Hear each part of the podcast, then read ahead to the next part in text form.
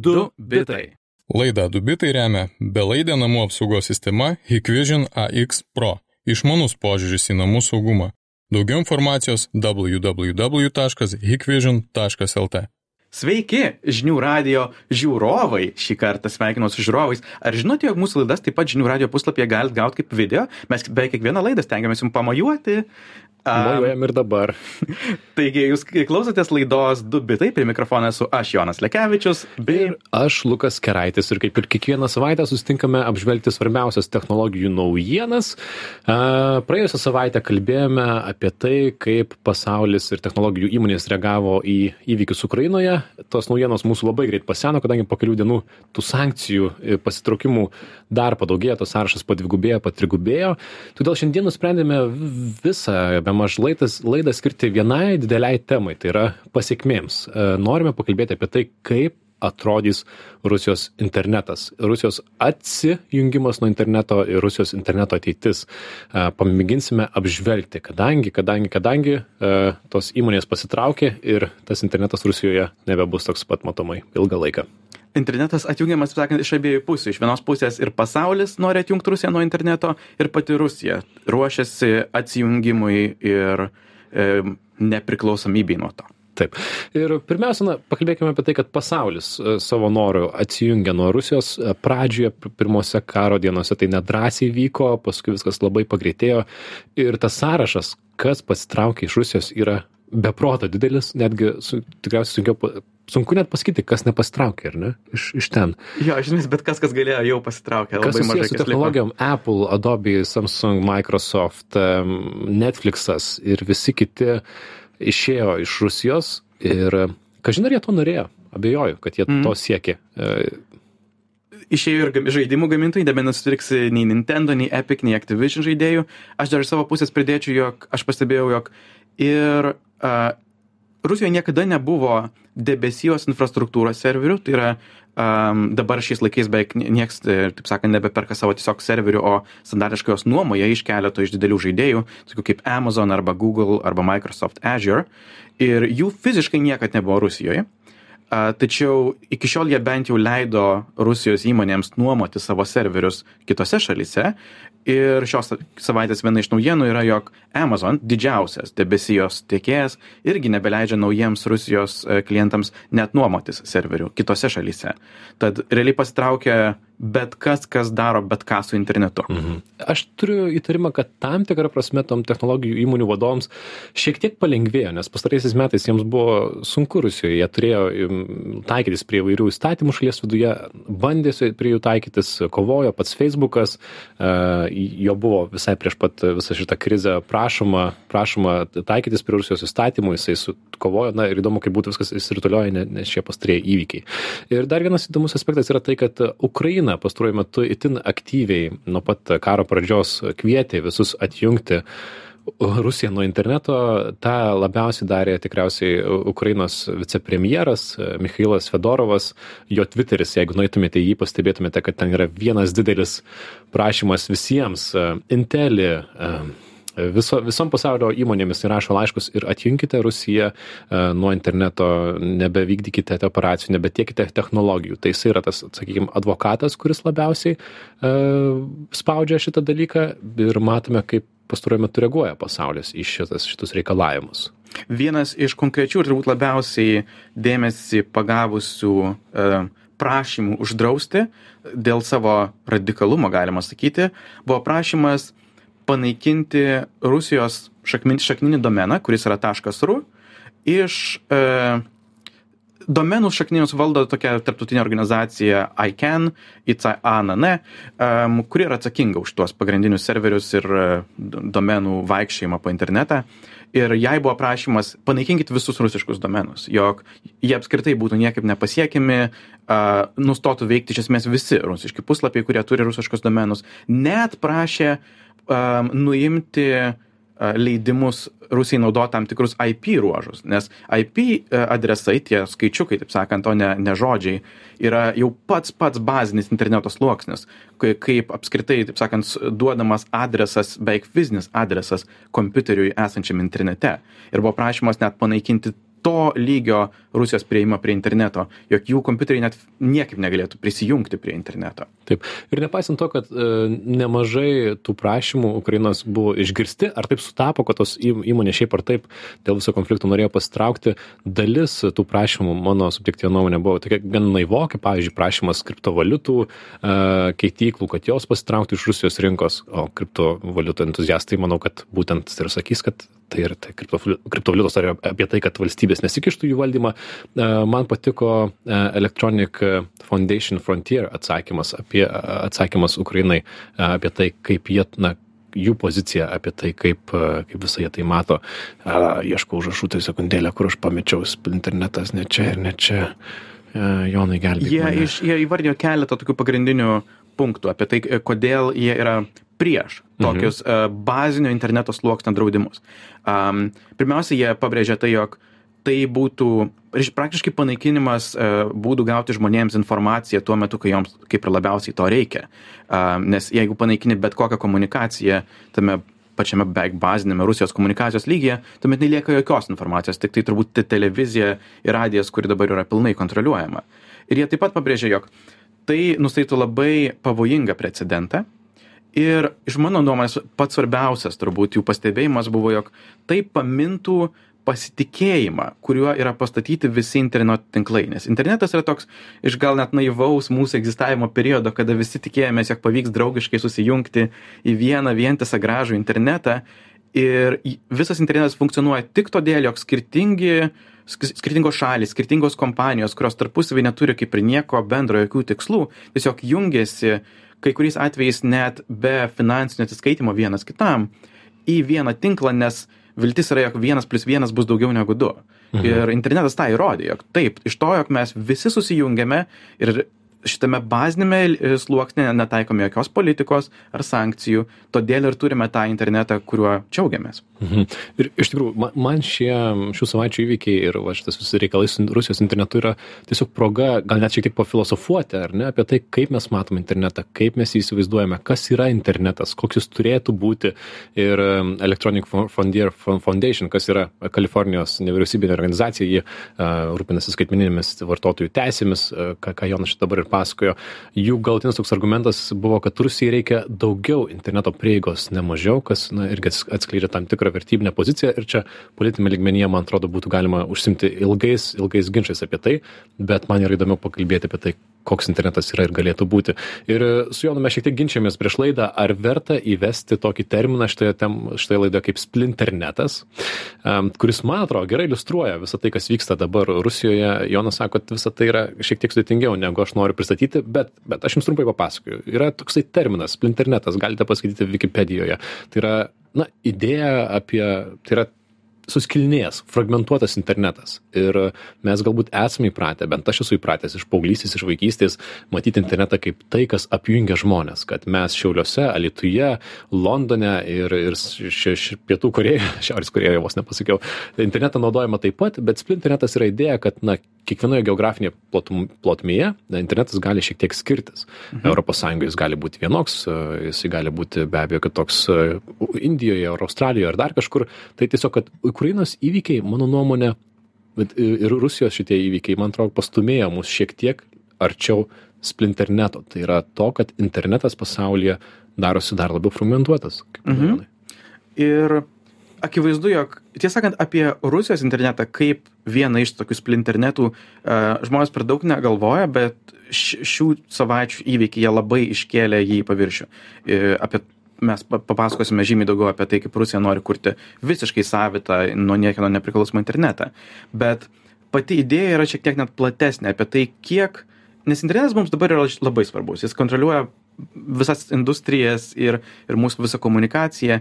Ir kadangi jis yra toks svarbus, skirtingos vyriausybės imasi labai skirtingų beveik tokių vertybinių nustatymų arba teisinių nustatymų kaip toje vietoje internetas turi veikti sąjunga sako mes norime žymiai griežtesnio privatumo kinija arba Rusija tiesiog atsiriboja ir praktiškai sako, jog mes turėsime savitus internetus, kurie klausimas, kiek net jungsis ir, ir, ir taip toliau. Tada, aišku, lieka tas atviras, kabutės internetas, kurį gal geriausiai iliustruoja Amerikos internetas, bet yra ir taip pat, tarkim, Indijos internetas, kuris irgi yra susiformavęs kaip visiškai savita uh, ekosistema su labai skirtingomis sėkmės istorijomis. Tad akivaizdu, jog tas uh, pats pirmas gal naivus prieimas prie interneto struktūros, kur visiems yra vienodos sąlygos, vienodos taisyklės, vienodi servisai, tie patys socialiniai tinklai, šitas naivus internetas akivaizdu, jog pranyksta. Mhm. Ir čia įvedu šiek tiek konteksto ir lengvai pafilosofavus, tikriausiai dabar verta sugrįžti prie temos, na tai kas visgi vyksta Rusijoje, kaip galėtų atrodyti tas vadinamasis runet, runetas, rusiškasis internetas. Nuo ko čia reikėtų pradėti istoriją, Jonai? Na ir priminimas žinių radio klausytojams, jog jūs girdite laidą Dubitai, kur mes uh, šiandien narstome apskritai visą Rusijos interneto formą būsimą e, tiek mes jau pašnekėjome kaip visas pasaulis nori juos atjungti bet dabar galim pasigilinti apie tai kokias pastangas pati rusija daro atsijungti būti nepriklausomiems. Tad jų pirmas žingsnis turbūt buvo toks suverenaus interneto įstatymas. Na gal ne pats pirmas bet gal toks ryškiausias žingsnis.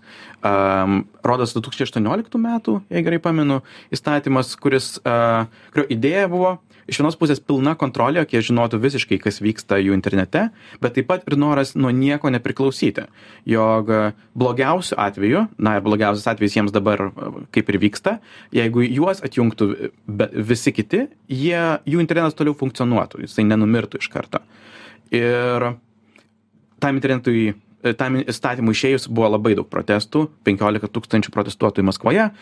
Um, lyg tai kam nors e, Rusijos valdžioje būtų rūpėję, jie toliau sėkmingai, taip sakant, e, važiavo į priekį, neklausydami, ko žmonės nori. Ir 2019 metais jau atliko kabutėse bandymus, kur uh, sakė, jog jiem pavyko atsijungti nuo interneto.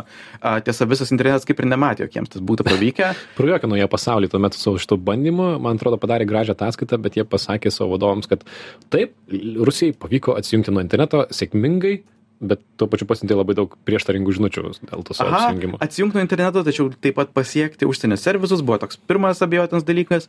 Um, San Diego, Kalifornijos universiteto tyrėjai, kurie stebi srautą, nematė jokio pokyčio iš Rusijos pusės. Tad klausimas, ką ir kaip ten jie eksperimentavo su tuo atsijungimu. Na, bet vėlgi, ataskaita, kaip sakė, gal buvo padaryta.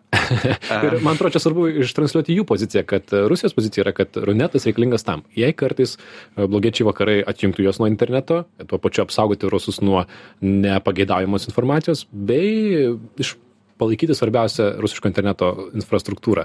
Tai mhm. tas pirmasis variantas kaip ir išsigyvenino, tik netik, netikėtinai greitai, per Mhm. savaitę ar dvi. Aš manau dabar visai verta, žinai, pagalvoti, tai jeigu tai išsipildytų, jeigu jie, taip sakant, paspaustų tą vieną iš savo mygtukų, kuris būtų nutraukiam laidus ir egzistuojame tik tai runete, kaip tai atrodytų.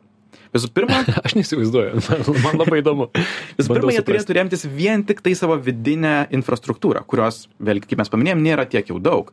Jie turėtų labai ribotą kažkokį hostingo pasirinkimą, servisų, kaip pavyzdžiui, analitikos ar dar kažko, visom to, visais tais servisais, kuriais programuotojai remiasi statyti savo e, programas iš jau sukurtų programėlių, e, taip sakant, blokelių, jiems e, reikėtų remtis tik tai tuo, kas yra jų, jų viduje. E, Taip pat ir vartotojai turėtų naudotis tik tai tais servisais, kurie egzistuoja pas juos.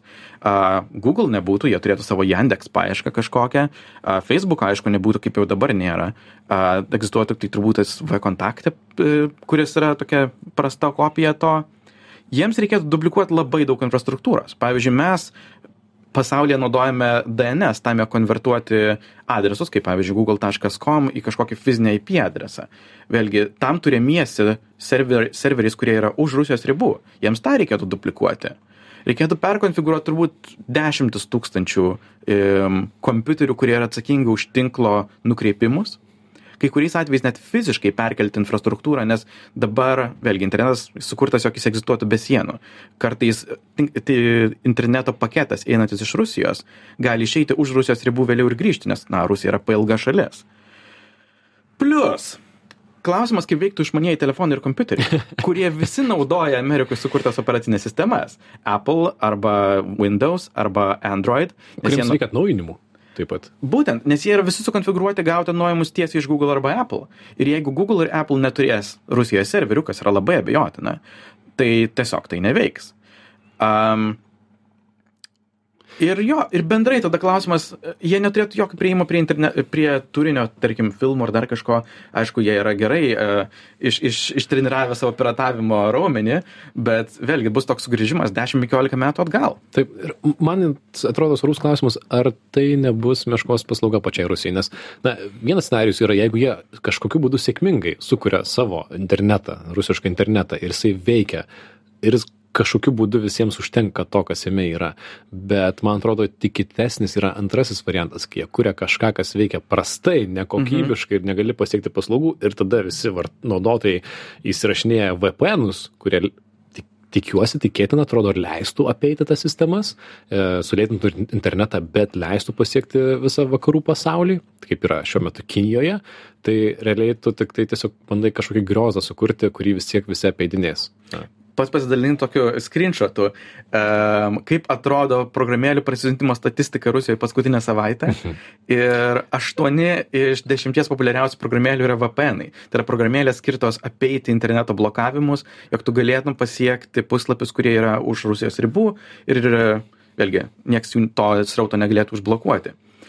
Um, galim pakalbėti truputį apie Kiniją, nes Kinija taip, taip, tai taip. yra realybė, kur vėlgi viskas yra užblokuota, bet VPN egzistuoja kaip toks uh, oficialiai nesankcionuotas bet taip pat nebaudžiamas būdas apeiti tą cenzūrą na čia verta turbūt priminti kas nežino kad na kinijoje internetas tikrai atrodo savotiškai. Kinija turi vadinamąją savo didžiąją ugniasienę ir beje ne paslaptis kad rusija nuo du tūkstančiai penkioliktų metų jau bendradarbiauja su kinija ir mokosi iš jų kaip sukurti tam tikrą filtravimo ir panašią sistemą savo savo internete.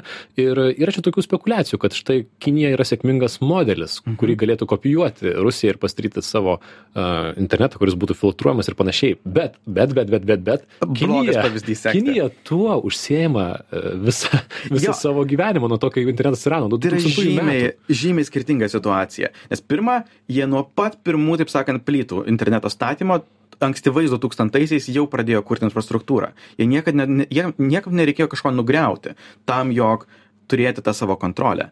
Antra, jie kuria savo telefonus, savo procesorius, jie turi savo programėlių parduotuvės, pas juos nėra Google Play, jau turi Huawei Store, bet trečias dalykas jų rinka yra didžiulė. Daugiau nei mhm. milijardas žmonių. Jie gali turėti savo geras alternatyvas tiek turiniui tiek socialiniams tinklams tiek paieškai su baidu ir veibau um, ir bendrai tai yra rinka kuri gali yra pakankamai didelė egzistuoti savaime.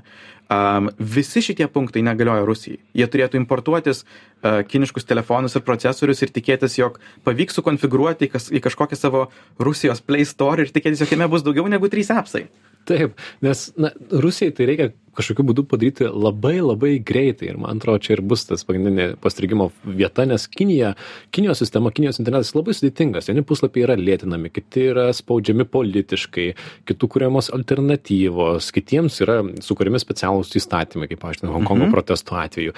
Tai dar tuo pačiu kinijoje kaip kaip ir tu minėjai yra tam tikra ekonominio protekcionizmo forma ar ne kad ilgalaikėje perspektyvoje mes draudžiame štai šitą vakarietišką alternatyvą dėl to kad na tam investuojame pinigus į, į kiniškąją. Tai kad Rusijai pavyks tai greitų metų nukopijuoti, atrodo, kad na, mažai tikėtina. Nors jie, jie, kai žiūri dabar atgal, matai, kad Rusija šitam atsijungimui nuo interneto, nežinau, ar, ar ir praktiškai, ar daugiau ant popieriaus ruošiasi jau kurį laiką. New York Times prašo įdomų, įdomų istoriją 2019 metais, kaip po Jono minėto įstatymo atkeliavo pas interneto teikėjus vadinamosios tokios juodos dėžės, kurias jie buvo priversti prijungti prie savo sistemų ir na taip tuo pačiu Roskomnadzorui perduoti savo tai tam tikras teisės, žodžiu, kontrolę valdžiai interneto. Tai taip palengva vyko, bet tikriausiai niekas nesitikė, kad tai vyks taip, taip staiga. Mhm. Ir klausimas, kiek jie vis gerai išvystą tą pakankamai delikatų ir subtilumų reikalaujančią infrastruktūrą, tam, jog tu galėtum sėkmingai filtruoti. Nes viena yra tiesiog filtruoti taip. E, pats naiviausias filtravimas yra tiesiog fiziškai atjungti, taip sakant, laidus ir sakyti, mes nenorim nei vieno bito mhm. iš viso likusio interneto. Akivaizdu, jog šimtaprocentinis efektyvumas ir šimtaprocentinis niekieno neveikimas. Um, Kinija tą puikiai supranta, todėl jie daro labai daug išlygų. Vėlgi, pavyzdžiui, tu negali vien tik tai blokuoti domenų ar adresų. Kai kuris atvejais tu turi blokuoti tam tikrus protokolus arba portus, per kuriuos žmonės nori apeidinėti. Tai taip sakant pasidaryt tokias skylutes nepastebimose vietose ir pro jas gabenti interneto srautą į užsienį. Tai yra labai labai daug išlygų ir loginių tokių sprendimų plius laiko analizės reikalaujantis procesas ir pasidaryti per kelias savaites ar mėnesius net yra praktiškai neįmanoma. Tad labai įdomu visgi kaip tai atrodys ir kiek radikaliai ir greitai jie turės imtis kažkokių veiksmų. Um, plius vėlgi koks bus didžiulis žmonių pasipriešinimas nes mes jau dabar matom jog visi parsiunčiami apsai yra vpnai ir noras apeiti tą kontrolę. Mhm. tad atsakyt atsakyt į klausimą ar rusijai pavyks nukopijuoti kinijos modelį? Na man atrodo mes abu kaip ir sutarėm kad tai nėra nėra paprasta ir greičiausiai nepavyks. Keli klausimai į kuriuos atsakymų aš nežinau ir kurie man vis dar yra įdomūs tai yra kiek ir kaip kinija padės rusijai kurti savo interneto infrastruktūrą savo savotišką internetą kuriame turi patirties ir kaip reaguos į tai į tai vakarai kaip jie turėtų reaguoti ar jie turėtų trukdyti rusijai padėti turėtų trukdyti kinijai padėti rusijai. Ir galų gale na kokiu atveju išloštume mes daugiausiai tai yra sakykim netgi lietuva ar ne? Ar jeigu mes matytume rusijoje sukurtą interneto alternatyvą ir žmonės kurie vartoja tiktai rusišką turinį ką tai reiškia mums? Arba jeigu tas projektas rusiško interneto neįsigyvendins arba jis labai nekokybiškas ką tai reikš mums ar ne? Kaip kaip nuo to vaikščios informacija? Nes yra tas pasakymas informacija nori būti laisva. Tai labai daug klausimų man kur ne, neturiu atsakymų. Mhm. jo nes bendrai kinija jie e, jau yra padėjus nemažai pakankamai autoritarinių valstybių susidiegti tą infrastruktūrą. Galbūt norės padėti ir čia bet e, aš visgi nematau variantų kaip tai būtų naudinga rusijos žmonėms nes vėlgi tai tik bus dar vienas kanalas kur nebus jokių alternatyvų ir tik stipresnė radikalizacija nieko gero Taip, labai įdomu, kaip gyvensime po metų, kaip rusiškas internetas atrodys po metų. Man bus įdomu sugrįžti prie šitos temos ir, ir tą, visą tą aptverti. Ir galbūt paaiškės, kaip kažkada Putinas sakė, kad internetas yra tik CŽV specialus projektas. 14 metais buvo tokia atstata garsiai nusakyta. Oi bet istorija sako tie kas kovoja prieš internetą retai laimi. Ar tai memais ar tai kažkuo kitu. Tad e, tiek. Šiandien pasistengėme laidoje du bitai apžvelgti rusijos internetą jo alternatyvas ir perspektyvas. E, kaip visuomet sugrįšime kitą savaitę su kitomis naujienomis. E, čia buvome mes lukas keraitis ir jonas lekevičius. šios ir kitų laidų įrašus rasite žinių radijo interneto svetainėje žinių radijas taškas lt. Kitą savaitę bus labai įdomi laida. Neišduosiu kokia įsijunkit. Paklausykit. Iki. Iki Du bitai. Laidą Du bitai remia belaidė namų apsaugos sistema Hikvision AX Pro.